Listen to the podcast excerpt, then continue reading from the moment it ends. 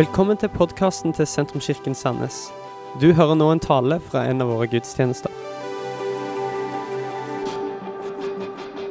Fint å være på sentrumskonferansen. Jeg er så glad for å være her. Jeg har jo vært med ganske mange ganger. Så når de sa at de skulle gjøre sånn recap her på hva som hadde endret seg, så tenkte jeg at de skulle vise et bilde av den gangen jeg hadde mer hår. Eh, fordi at jeg husker jeg har vært her mange ganger. Har ikke det, Per Eivind? Det er fantastisk å være her med dere, følge denne menigheten. Eh, Sentrumskirken ble startet ett år før vi startet kirken vår i Bergen. tror jeg, 2003. Stemmer ikke det, Preven? Da var du elleve år.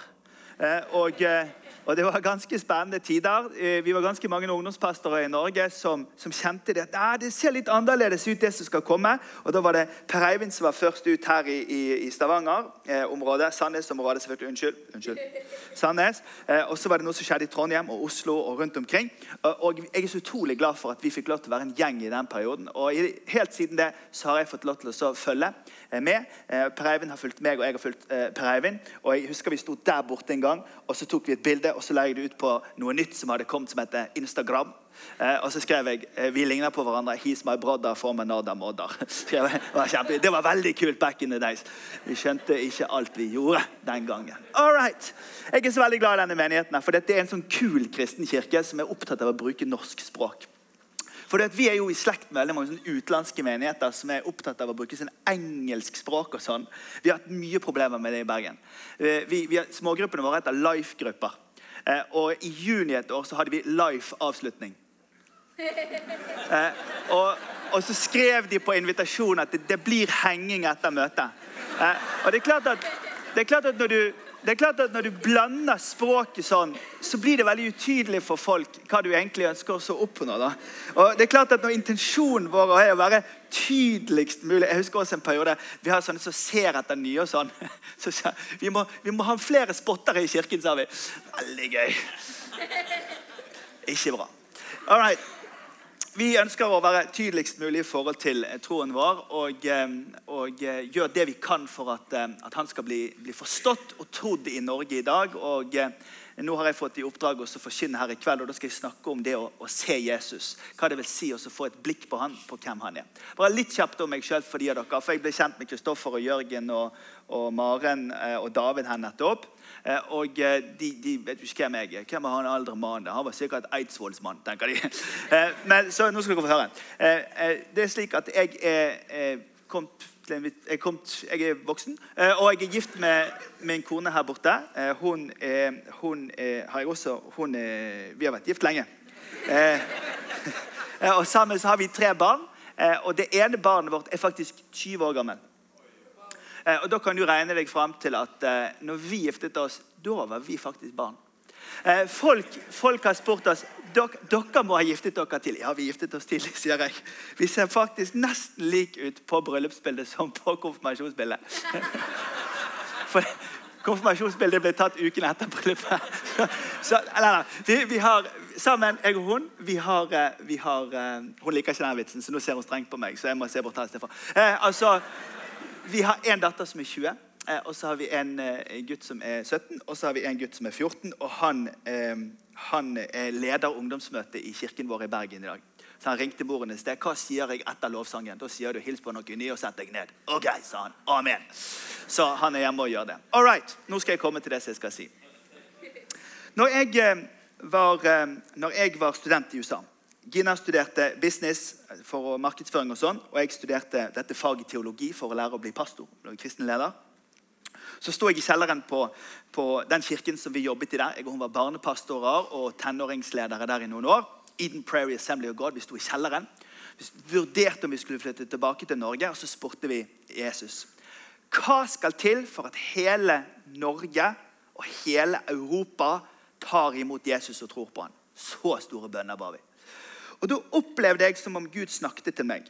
Og Ikke spør hvordan man snakker. Det er, av og til så kjenner man akkurat som det ord som blir til inni hjertet. Det er ikke sånn at Jeg hører det inni ørene. Men det er akkurat som jeg kjente at, at Gud sa til meg at om dere bare gir dem Jesus så spurte jeg en til, ja, men det gjør jo han Egil Svartdal på TV. han er veldig tidlig, Og så gjør jo det der rockebandet det, og så gjør han som snakker om Jesus sånn, og så gjør den ungdomsforeningen det. Så spurte jeg en til, hva skal til for at vi når hele Europa for Jesus. Så var det noe som jeg kjente det en gang til. Om dere bare gir ham dem Jesus. For det er dette med Jesus og sånn, Hvis du snakker om det på skolen, eller du snakker med det i et familieselskap, så er det forunderlig hvor ofte folk har en eller annen mening om at ja, men det er så utrolig trangt å tro på Jesus. og Da får ikke du lov til å gjøre det, og så er ikke det lov, og så er det vanskelig. Og så må du mene dette, og så må du gjøre dette. Det er akkurat som om vi har bare kledd på Jesus kjeledress etter kjeledress, etter anorakk, etter parkas, etter stygg T-skjorte med rart trykk på. Til slutt så kjenner ikke vi han igjen engang. Så var det som om jeg kjente at Jesus sa til meg om dere bare gir dem Jesus. For du vet, hos Jesus der er det alltid godt å være. Du vet, Hos Jesus der fins det alltid rom for alle mennesker, uansett hva vi tror, tenker eller vi har vært med på i livet vårt. Hos Jesus så er det alltid et velkommen hjem. Og det dere, det er det jeg tror at mennesker i dag ønsker å få et blikk på. Vet du hva? Det er en norsk visesanger som heter Ole Paus. Han sier om oss nordmenn Han sier at vi nordmenn vi har alt, vi. Men det er også alt vi har. For selv om vi kjenner oss mette eh, i garasjen, og vi er mette på fjellet, og vi er mette når vi er på stranden, og vi er mette med familieselskapene, og vi er mette når vi er på Kvadrat og handler, og vi får alt det vi trenger, så fins det allikevel et tomrom her inne som alle mennesker trenger å få fylt av Guds kjærlighet. Og I løpet av denne kvelden så kommer jeg til å invitere deg du som gjerne ikke tror på dette, jeg kommer til å invitere deg til å få en mulighet til å si ja til Jesus. Fordi at han, han, vil så gjerne flytte inn i hjertene til alle mennesker. Og Så enkelt snakker vi om dette. fordi at På innsiden av døren her i hjertet så er det en sånn dørklinke. Og den er ikke på utsiden. Så Jesus han trenger seg ikke på og sier 'hello'. Han eh, banker på. Og så er det meg og deg som har muligheten til å åpne opp. Jeg skal gi deg en sjanse til det om noen minutter.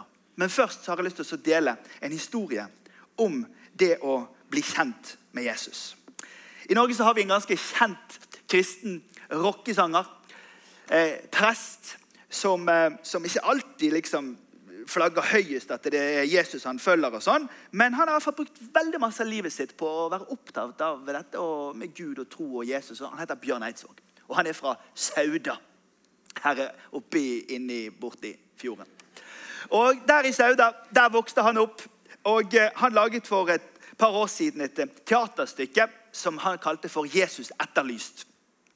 Og Da fortalte han hvordan han var like gammel som Jørgen her og kom på, eh, på bedehuset i Sauda og traff de gamle damene sant? som strikket ting og hadde så masse krøller i håret. Og, og flanellografen. Og noen ganger så virket Gud skremmende, og noen ganger så virket han snill. Og Noen ganger så var han eh, en sånn som sa at vi må være redd for alt mulig. Og noen ganger så tilga han alt mulig. Og så får vi lov til å følge teaterstykket til Bjørn Eidsvåg. Hvordan han har opplevd det å være en som tror på Jesus. Og så gjorde han noen beslutninger om hva han ville tro når han ble voksen. Og det var litt sånn tommel ned, egentlig. Og da var det noen av de andre som var like gamle som han, som eh, skrev litt i avisene. Og så skrev de at eh, vi forstår og respekterer at Bjørn så det på den måten, men, men for oss så var det ikke sånn. Og Det jeg lærte når jeg leste den artikkelen i avisen, og når jeg så det skuespillet til Bjørn Eidsvåg, det er at alle vi har ulikt syn på dette med tro og Jesus og sånn. Jørgen ser det på en måte, og Elin ser det på en måte, Andreas ser det på en måte, og Petter ser det på en måte, og Astrid ser det på en måte. Og I dette rommet her i kveld så har alle sin fulle rett til å se på Jesus akkurat sånn som de vil. Men vi må snakke sant om at vi alle sammen kler på han noen greier som gjør at noen ganger så blir han vanskelig å få synet på. Noen ganger når vi går inn i sånne svære katedraler, så er det fantastisk å se orgel og, og kunst og alt det fantastiske. Men av og til kan Jesus bli litt utydelig der.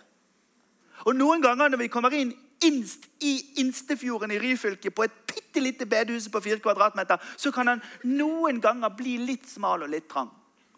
Og Noen ganger så kan vi oppleve at når vi ser han uh, sunge fra en eller annen scene i et eller annet stadion borte i Atlanta, Georgia, med en eller annen sånn fantastisk røyksky som står omkring, og bare sånne pene folk som står og synger, så kan vi tenke at han blir litt glatt. Vet du, Det er masse greier vi hiver på Jesus hør, som gjør at vi kan miste litt syn på han. Jeg har lyst til i løpet av de neste minuttene å ta deg med til noen som traff Jesus for første gang. Og fordi de traff Jesus, så hadde de lyst til å bidra til at andre også skulle få lov til å treffe Jesus. For det er det vi snakker om denne helgen her på sentrumskonferansen. Det er det at vi kan få lov til å være sånne som, som sier at alle skal få lov til å komme til Jesus, men de kommer én og én. Og så er det sånn at Vi kan få lov til å være med og bygge broer til de folkene som ikke tror så mye, og ta dem med oss til Jesus. Vi skal lese fra Markus kapittel 2. Det er altså i Bibelen. Eh, det som har skjedd i kapittel 1, det er ganske mye. Eh, dette er evangeliet skrevet til bergensere. I det første kapitlet så rekker han å bli fylt av Den hellige ånd, være i ørkenen i 40 dager, dra på et par misjonsturer til Galilea. Det er Karmøy-området der oppe. Eh, han kaller alle disiplene, spiser middag hjemme hos Peter sin nyhelbredede svigermor. og Mot slutten så helbreder han en spedalsk mann, og så sier han til den spedalske mannen ikke si det til noen at jeg har helbredet deg. Og han, han hørte ikke på Jesus. Han gikk hjem og så la han det ut på Insta, la det ut på Face. Snappet alle vennene sine, ringte til VG og Dagbladet og NRK. Alle visste det. Og så kommer Jesus tilbake til byen Kapernaum. Det er hjembyen til Jesus. Og så skjer dette. Følger dere med? Dere tåler noen vers, sant? Vi må lese noen vers fra Bibelen. Hvis ikke så får, vi, får ikke vi bra karakter. Noen dager senere kom Jesus igjen til Kapernaum. Og det ble kjent at han var hjemme. Det samlet seg så mange at de ikke fikk plass. Ikke engang utenfor døren. Mens han forkynte ordet for dem, så kom de til ham med en som var lam. Det var fire mann som bar ham, men de kunne ikke komme fram til ham pga. trengsel. Derfor så brøt de opp taket over stedet der han var, laget en åpning og firte ned båren som den lamme lå på. Og Da Jesus så deres tro, så sa han til den lamme, 'Sønn, syndene dine er deg tilgitt.' Nå satt det noen skriftlærde der, og de tenkte med seg selv hvordan kan det ha seg slik? Han spotter Gud. Hvem andre kan tilgi syndere enn én? Det er Gud.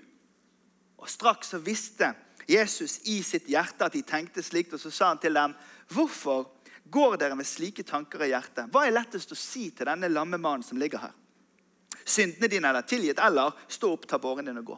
Men for at dere skal vite at menneskesønnen har makt på jorden til å tilgi synder, og så vender han seg til den lamme og så sier han, 'Jeg sier deg, stå opp, ta båren din og gå hjem.' Og mannen reiste seg, tok straks båren, gikk rett ut foran øynene på dem, så alle ble ute av seg i undring. De priste Gud, og de sa, 'Noe sånt har vi aldri sett før'.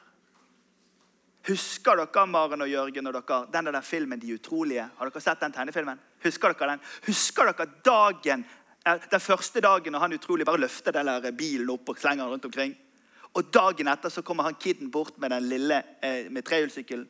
Og så står han og ser, og så står han utrolig der og sier sånn, hva er det du sier dette nå? Og så sa han lille kiden noe helt utrolig fantastisk, kanskje. Det var det som skjedde denne dagen. Det var noe helt utrolig fantastisk, kanskje. En gang så talte jeg over denne teksten, og så var det en mann som satt helt bak oss i et svært rom. Fire-fem ganger så stort som dette. Masse folk. Og han kom i rullestol. Og Han var i utgangspunktet skuffet fordi at han fra Bergen skulle snakke ut ifra den teksten. Men det som jeg ønsker å vise deg i løpet av de neste minuttene, det er at det største mirakelet som skjer her, er ikke mirakelet av at denne mannen reiser seg og går ut. Det største mirakelet som skjer her, det er det Jesus gjør i hjertet til denne mannen. Og det han forklarer alle de andre som står rundt. Sånn at det ikke bare handler om det spektakulære som skjer med den ene, men det fantastisk store som kan skje med alle. Alle som også er til stede i dette rommet her i dag. Bli med meg til Kapernaum. Jesus står inne i et hus.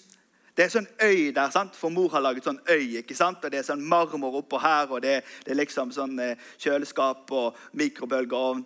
Ser dere det? Får dere? Sant? Masse kniver bortpå der på siden. ikke sant? Og induksjonsplate og skikkelig greier. Der står Jesus og taler. Han står og taler, sant? Er dere med? Står og taler.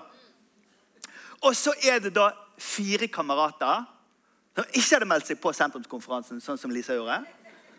De har ikke billett, men eh, de kommer seint. Og de har med seg kameraten sin. Eh, på den tiden der, så var jo, altså En båre er jo en båre. ikke sant? Eh, kanskje hadde de en båre, kanskje hadde de bare et teppe. Men der var altså fire hjørner. Mannen ligger der, og så er det en som står her, og så er det en bak, og så er det en her, og så er det en her. Og Da liker jeg å tenke at de kom fra Norge. Seriøst, jeg liker å tenke det. Og da liker jeg å tenke at han fremste til venstre, han er fra Rogaland. Og grunnen til at jeg tenker det, det er at det er mest, altså oftest når noe hærverk skal skje, så er det gjerne en rogalending som er fremst. Jeg beklager å si det. Det er gjerne en rogalending som går fremst. Så var det gjerne, sant, så han til herligheten må bære han av tøyren. Sant? Og så var det da en fra, fra Sunnmøre. Nei, det var trønder. Det, de også er ganske langt fremme. Ja, forresten, vi tar, vi tar, han fra Ålesund og får han på her sånn. Han, jeg må jo ta ansvar. Skal vi bygge landet, så får vi bygge landet. Skal vi bære syke, så får vi syke. Så er det Så er det en fra Kristiansand. Lisa, unnskyld. Bak her, sant? Herlighet må ikke gå så fort. Jeg mister han. Og så var det, var det han trønderen. sant? Og han er jo veldig skeptisk. Ikke gå så fort i trappa. Dunke hodet. Sånn. Så går de opp. De går opp på taket. ok? Nå går de opp på taket. Altså, dette, dette er folk som vil at vennen deres skal komme til Jesus men de kom ikke. De bestemte seg. Han skal fram. Og han rogalendingen som er fremst, han bare Herligheten, det er ikke noe hull her. Sant? For det var jo ikke noe Du vil jo ikke altså Helt alvorlig, han var vestlending. Du skal ikke ha et hull i tak. Så Takene på den tiden de var bygd sånn som dette var bjelkelag den veien. Så var det leirplater den veien. Så var det noen greiner den veien, så var det noen leirplater til den veien. hvis jeg husker riktig, Så var det en membran oppå for å gjøre det tett. Og de står der og så tenker de Lag et hull med.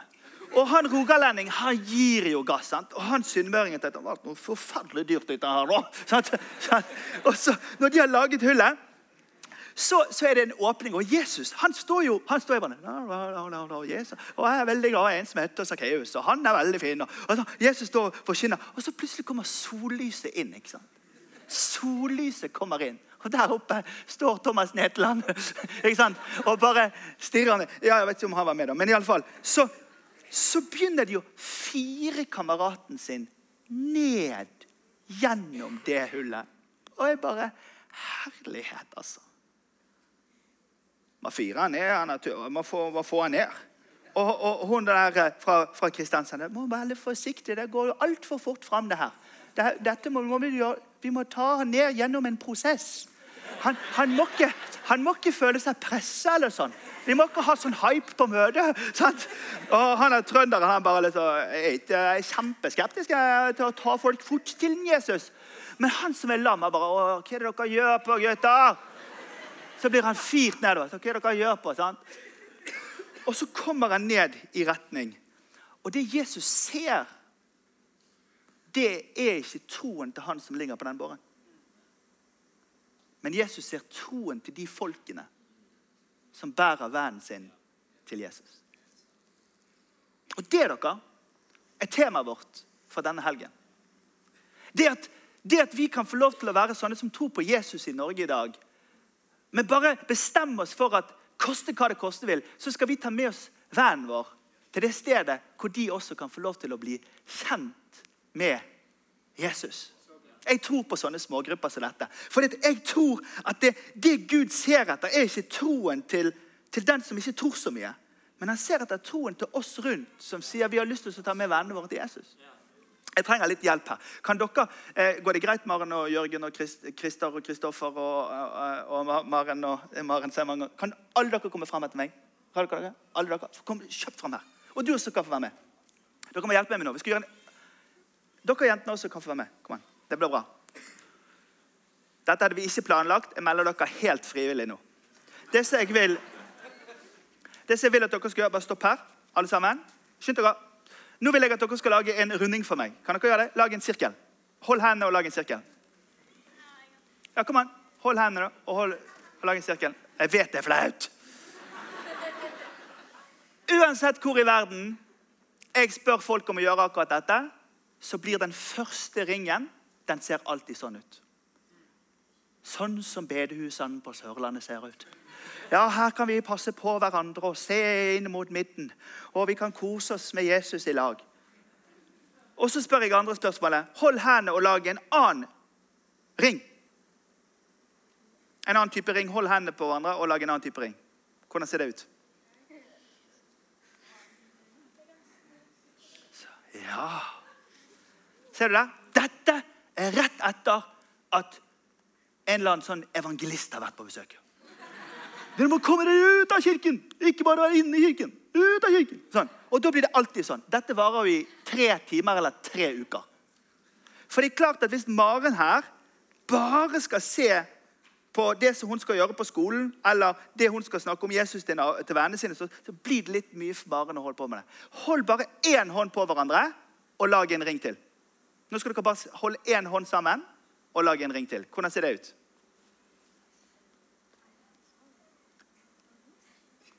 Ja, ta, Hvis dere tar én hånd inn i midten, og så strekker dere den andre hånden utover.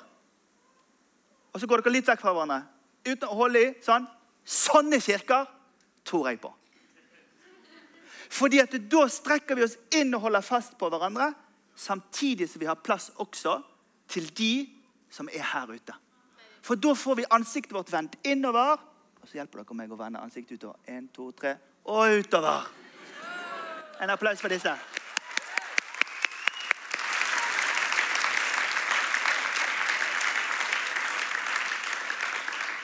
Og det er dette dere, som jeg syns er så fantastisk. Tusen takk til dere. Det er det som er så fantastisk med det disse folkene gjør når de firer kameraten sin ned dette hullet til Jesus. De bærer han dit, og Jesus ser det. Men så skjer det noe veldig underlig nå. Det er det at de første ordene som Jesus sier, det er disse ordene her. Dine synder er deg tilgitt.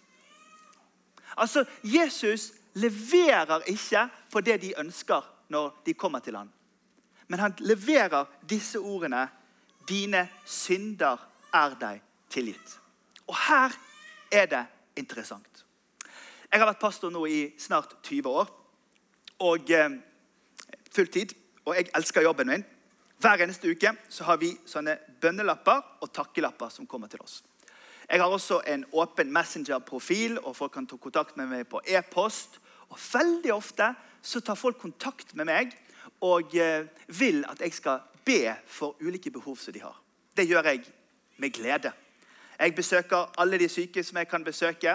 Jeg eh, ber for eh, folk som har økonomiske utfordringer. Jeg står sammen med folk som opplever at det er vanskelig på skolen og i skolehverdagen, og som skal kjøpe seg en leilighet, og for en onkel som holder på å, å, å, å gå fra tante. Ingen problem.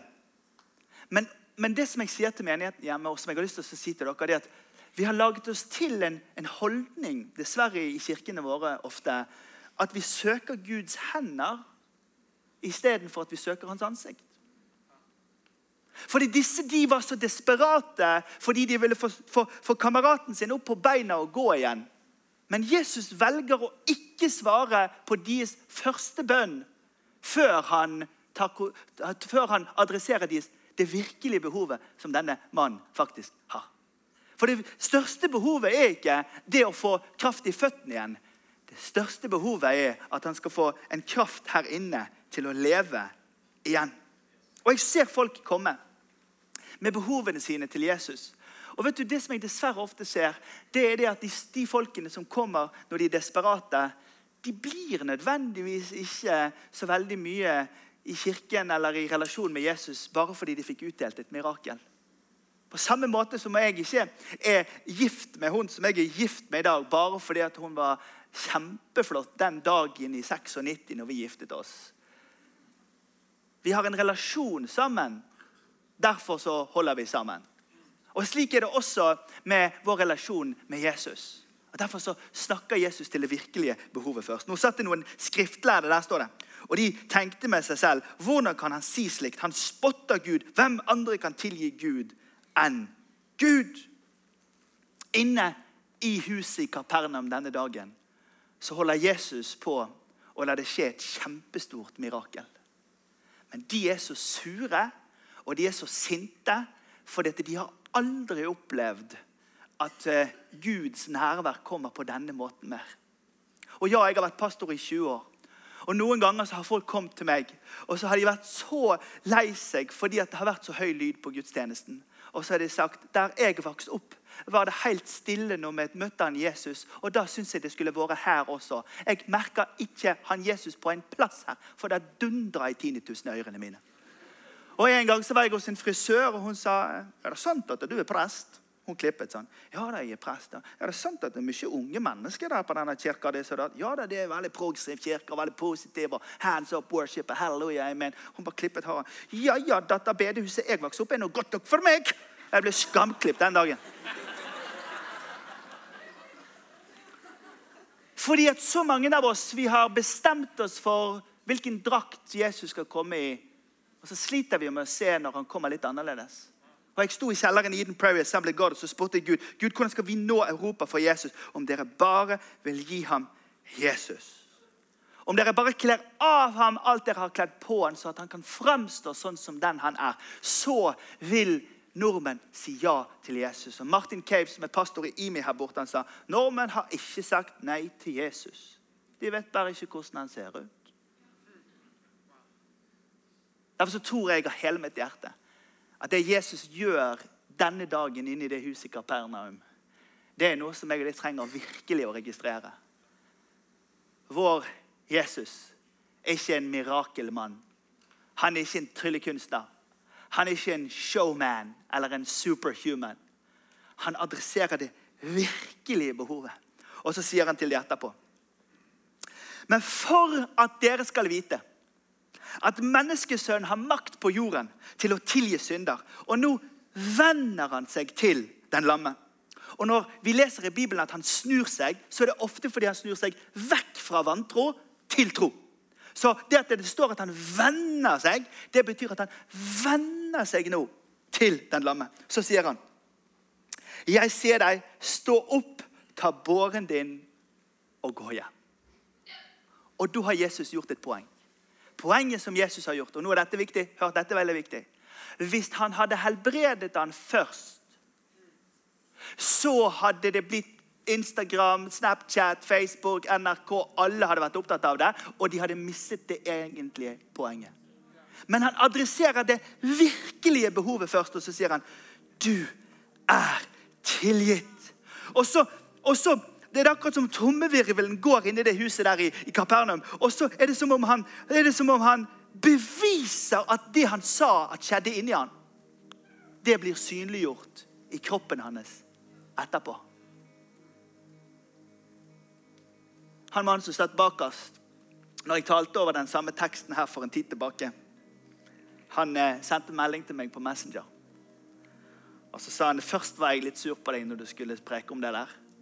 For det er ganske kjedelig å rulle inn til en gudstjeneste og høre en historie om det der. Men så skjønte jeg at dette gjelder faktisk meg også, selv om jeg ruller ut igjen.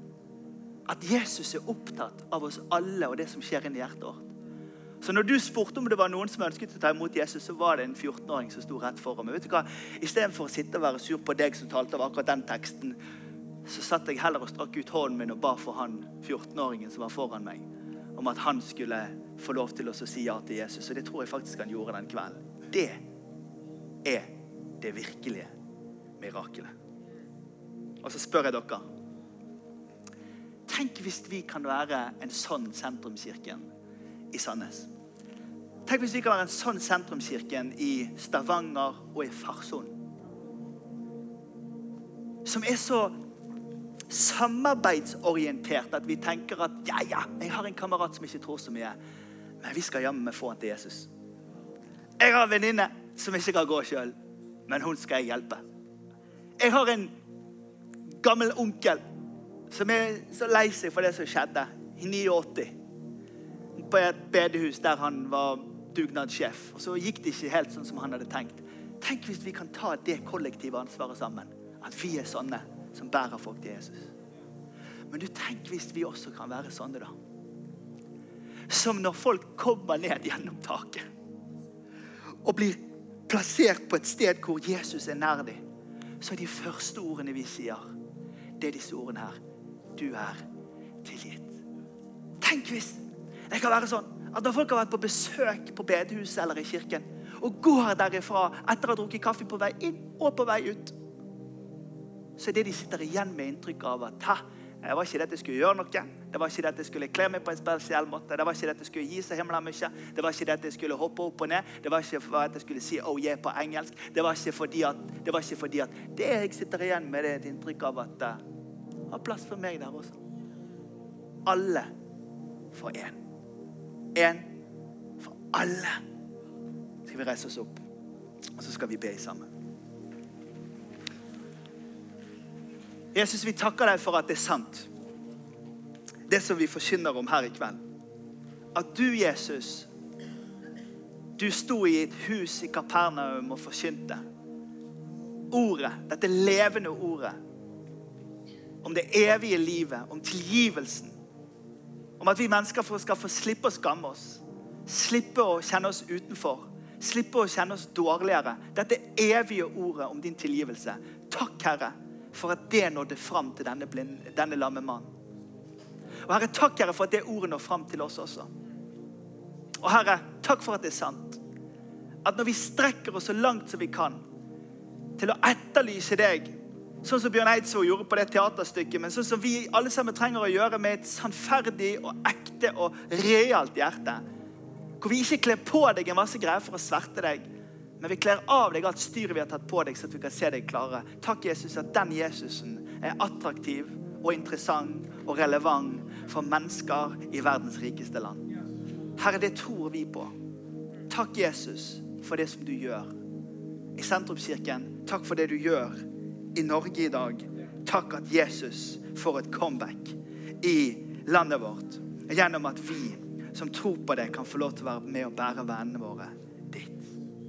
Jeg har lyst til å bruke et par minutter på så eh, Dette var slutten på denne talen. Håper du har blitt inspirert. Om du har lyst til å vite mer om hvem vi er, eller hva vi gjør, eller har lyst til å høre flere podkaster, så kan du besøke vår nettside sentrums.no.